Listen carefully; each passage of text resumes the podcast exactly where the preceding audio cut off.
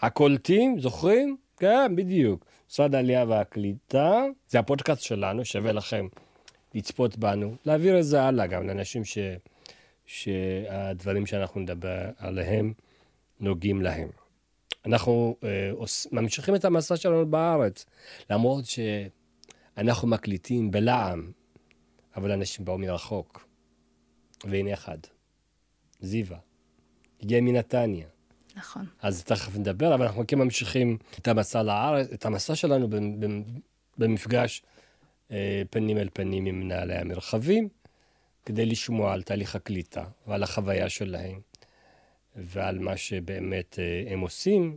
בסופו של דבר זו הקבוצה שאתם כעולים חדשים פוגשים אותה יום-יום, אה, פנים אל פנים, על כל הבעיות המורכביות של, של, של תהליך העלייה וקליטה. עלית מאוקראינה. כן. מתי זה קרה? בשנת לא 80. עכשיו, נכון? לא, לא, במסגרת לא, אה, לא. עולים הביתה. לא במסגרת עלים הביתה. אוקיי. עליתי בשנת 80 כילדה בת 11, וכמו שסיפרתי לך, המפגש הראשון שלי עם המשרד, זה היה ברכבת בווינה, שעלה אדון גבוה ורזה ושאל מי ממשפחות אה, מגיע, נוסע לישראל ומי נוסע לארצות הברית. ומ-11 קרונות אנחנו היינו עשר משפחות סך הכל שהחליטו לנסוע לישראל. וכשבנובמבר 89 הגעתי לנתב"ג, להתחיל לעבוד שם לראיון, פתאום ראיתי את האדון הגבוה והרזה, שזה היה בוריס הלמן. בשבילי זה היה סגירת מעגל. ועבדתם יחד הרבה שנים. עבדנו יחד הרבה שנים. התחלתי את דרכך בנתב"ג, התקדמת, 30 פלוס שנה, שנים את עובדת במשרד העלייה והקליטה. אחרי, ב-92 עברתי לעבוד בנתניה. עשיתי הכל במשרד.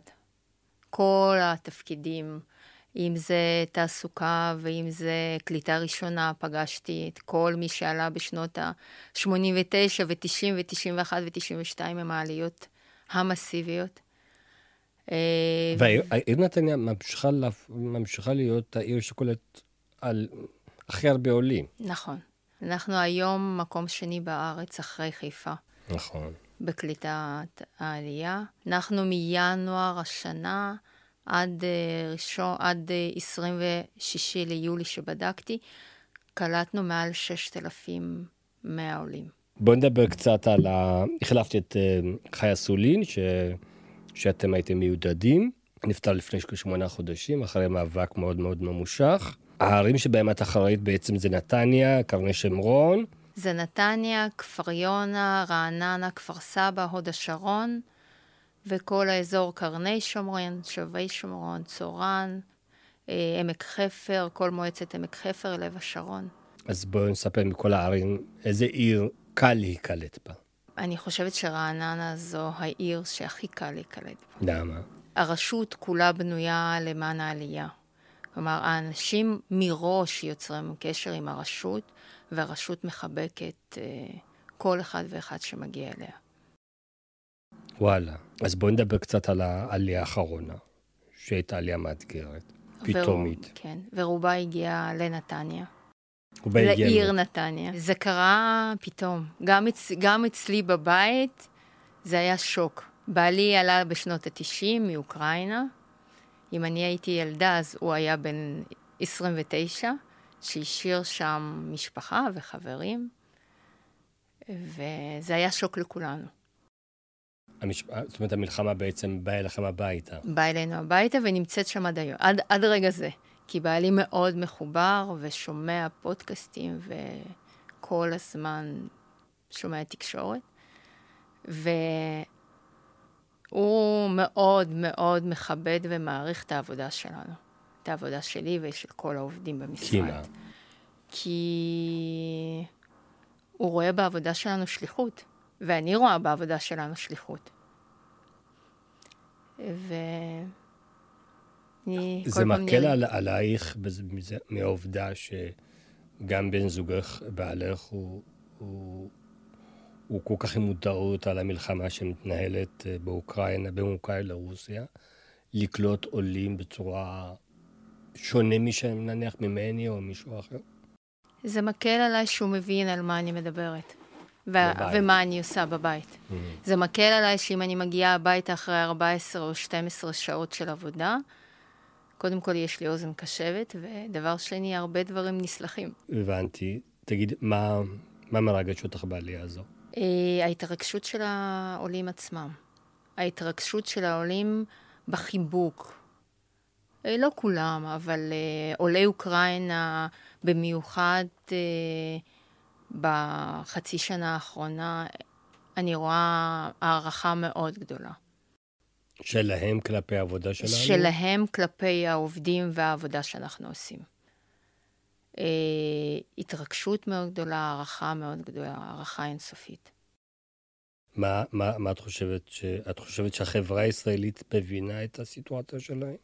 או שאת, כולנו, עושים את זה כי, כי, כי צריך לעשות את זה, וכי את, כי, כי את קשורה בשפה או במנטליות, בחשיבה? השאלה אם בנתניה, לדוגמה, הם מבינים את הקשיים שאיתם מתמודדים האנשים האלה, כי הם באו בלי כלום. אה, אני חושבת, אנחנו עם אה, מאוד חם, מאוד מחבק, לפעמים מחבק יותר מדי. ולעולים, במיוחד מארצות אה, חבר העמים לשעבר, זה מאוד מוזר. הם לא רגילים לחיבוק כל כך חם ואוהב. והם היו, אני הייתי, בנתניה היו שישה בתי מלון. בת... אנחנו מדברים בתקופת העלייה מאוקראינה, כן. במסגרת מבצע עולים הביתה. נכון. אוקיי.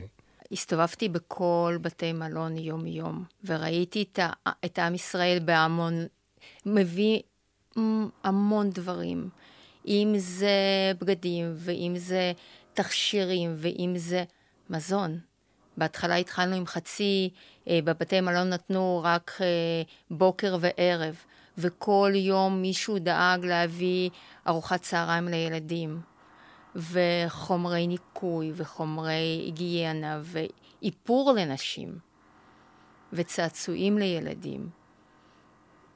אני קיבלתי אין ספור תודות ובקשה להעביר תודה ל... לישראלים ולעם ישראל, כי הם לא ציפו לכל זה. לא שהיו, לא היו קשיים, כי... אבל זה חלק מה... כן. לא היינו מוכנים. אגב, איזה קשיים, למשל, הייתם צריכים להתמודד? אה, דוגמה שאני חושבת שכל המשרד שמע עליה, כי אני לא ידעתי איך אני בדיוק מתמודדת, זה הגיעה משפחה עם... אה, זה לא משפחה, צריך, חשוב לדעת שהגיעו רוב רובן נשים. נשים עם ילדים קטנטנים או אנשים מבוגרים. הגיעו בלי מעמד, בלי ביטוח בריאות. בלי כרטיסי סים של פלאפונים. פשוט הגיעו. והגיעה חד-הורית עם שלושה ילדים ולילד 40 חום. מה עושים? אין ביטוח בריאות. מה עושים? הייתי צריכה להפעיל כל מיני קשרים אישיים. להרים טלפון לרופא ילדים. דוקטור גורן, אני חייבת תודה, טובה אישית. דוקטור ו... גורן מכללית? מאיפה הוא? ממכבי. סליחה, כללית. מכבי. כן, כן, דוקטור גורן, נתניה, נכון? איפה? נכון. מנתניה. את זוכרת את השם הפרטי שלו? אבנר, בטח. אבנר גורן. אמרנו לו תודה. כן, והוא בא, והוא בדק את הילד, ואמר דחוף לבית חולים, ובבית חולים עוד פעם, ביטוח, אין ביטוח, מה עושים? מפעילים את אשתו של, שהיא רופאה בבית חולים. ו- וככה, וככה היינו צריכים uh, לעבוד בימים הראשונים, עד ש... המשרד והמדינה קלטה שצריך לעשות דחוף ומהר ביטוח. דוקטור גורן שואל, איפה הילד? הילד uh, לומד בבית ספר בנתניה, מאושר ושמח. ובריא. ו- ובריא. זה יפה, כן. כן, זה הכי חשוב. ועוד כל מיני סיפורים כאלה. מה הסיפור ש... של התמודדות יומיומית. מה הסיפור שתפס אותך הכי הרבה? יש לי חברה חדשה. בת מאה ושמונה חודשים. אישה מדהימה, שחב"ד הביאו אותה מלב קייב, שהיינו צריכים לדאוג ישר לבית אבות בנתניה, שהתחברנו איתה צלולה, יותר צלולה ממני. אישה מדהימה, שכל שבוע שאני מדברת איתה, היא מספרת לי איזה מילים היא למדה בעברית. איזה חמודה.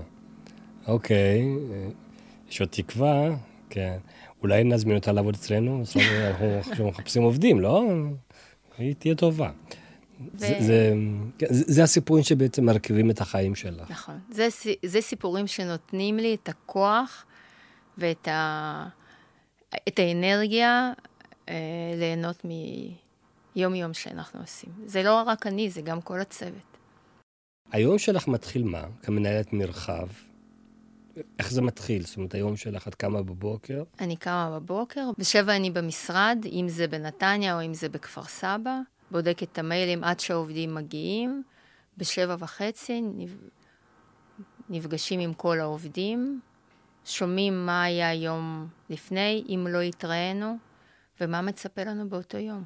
ואז ככה בעצם את יוצאת לבקר, לראות, לשמוע, או שאת בעצם נשארת אה, במשרדים ומטפלת מרחוק? אה, תראה, עד הראשון ליולי אני הסתובבתי בבתי מלון, מראשון ליולי כל הבתי מלון בנתניה נסגרו, ואז חזרתי למשרדים ולכל צוות העובדים. כי זה נחשב אה, חזרה לשגרה. כן, כן, כן. סוג של חזרה לשגרה, רק אה, העומס הוא מטורף.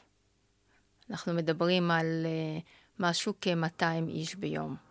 ויש לנו one stop shop, שזה שינויי מעמד של כל מי שמגיע, היום בעיקר מרוסיה. כן, כן.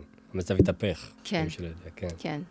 80 אחוז היום שמגיעים אה, אלינו למשרד לשינוי מעמד זה עולי רוסיה, שגם הם נמצאים בסוג של אי, אי להבין, יפה. אה, מה נאחל לך? מה נאחל לנו? מה נאחל לנו? כן. אה, המשך עבודה פוריה והרבה כוח לעובדים. ו... את חושבת שבאמת גל עלייה גדול ש... צפוי להגיע, ככה מערכים, כך כולם מערכים מרוסיה, זה אותו סרט של כמו האוקראינים, או שיהיה פחות? או שכבר למדנו את כל השיטות, את כל הטריקים, אנחנו יותר חכמים? אה, אני לא חושבת שזה כמו האוקראינים, אבל העלייה היא לא פשוטה. המצב הוא לא פשוט והעלייה היא לא פשוטה, כי הם נמצאים כולם במצב של אי-ודאות, וזה קשה. תודה רבה. זהו, סיימנו. תודה רבה לכם.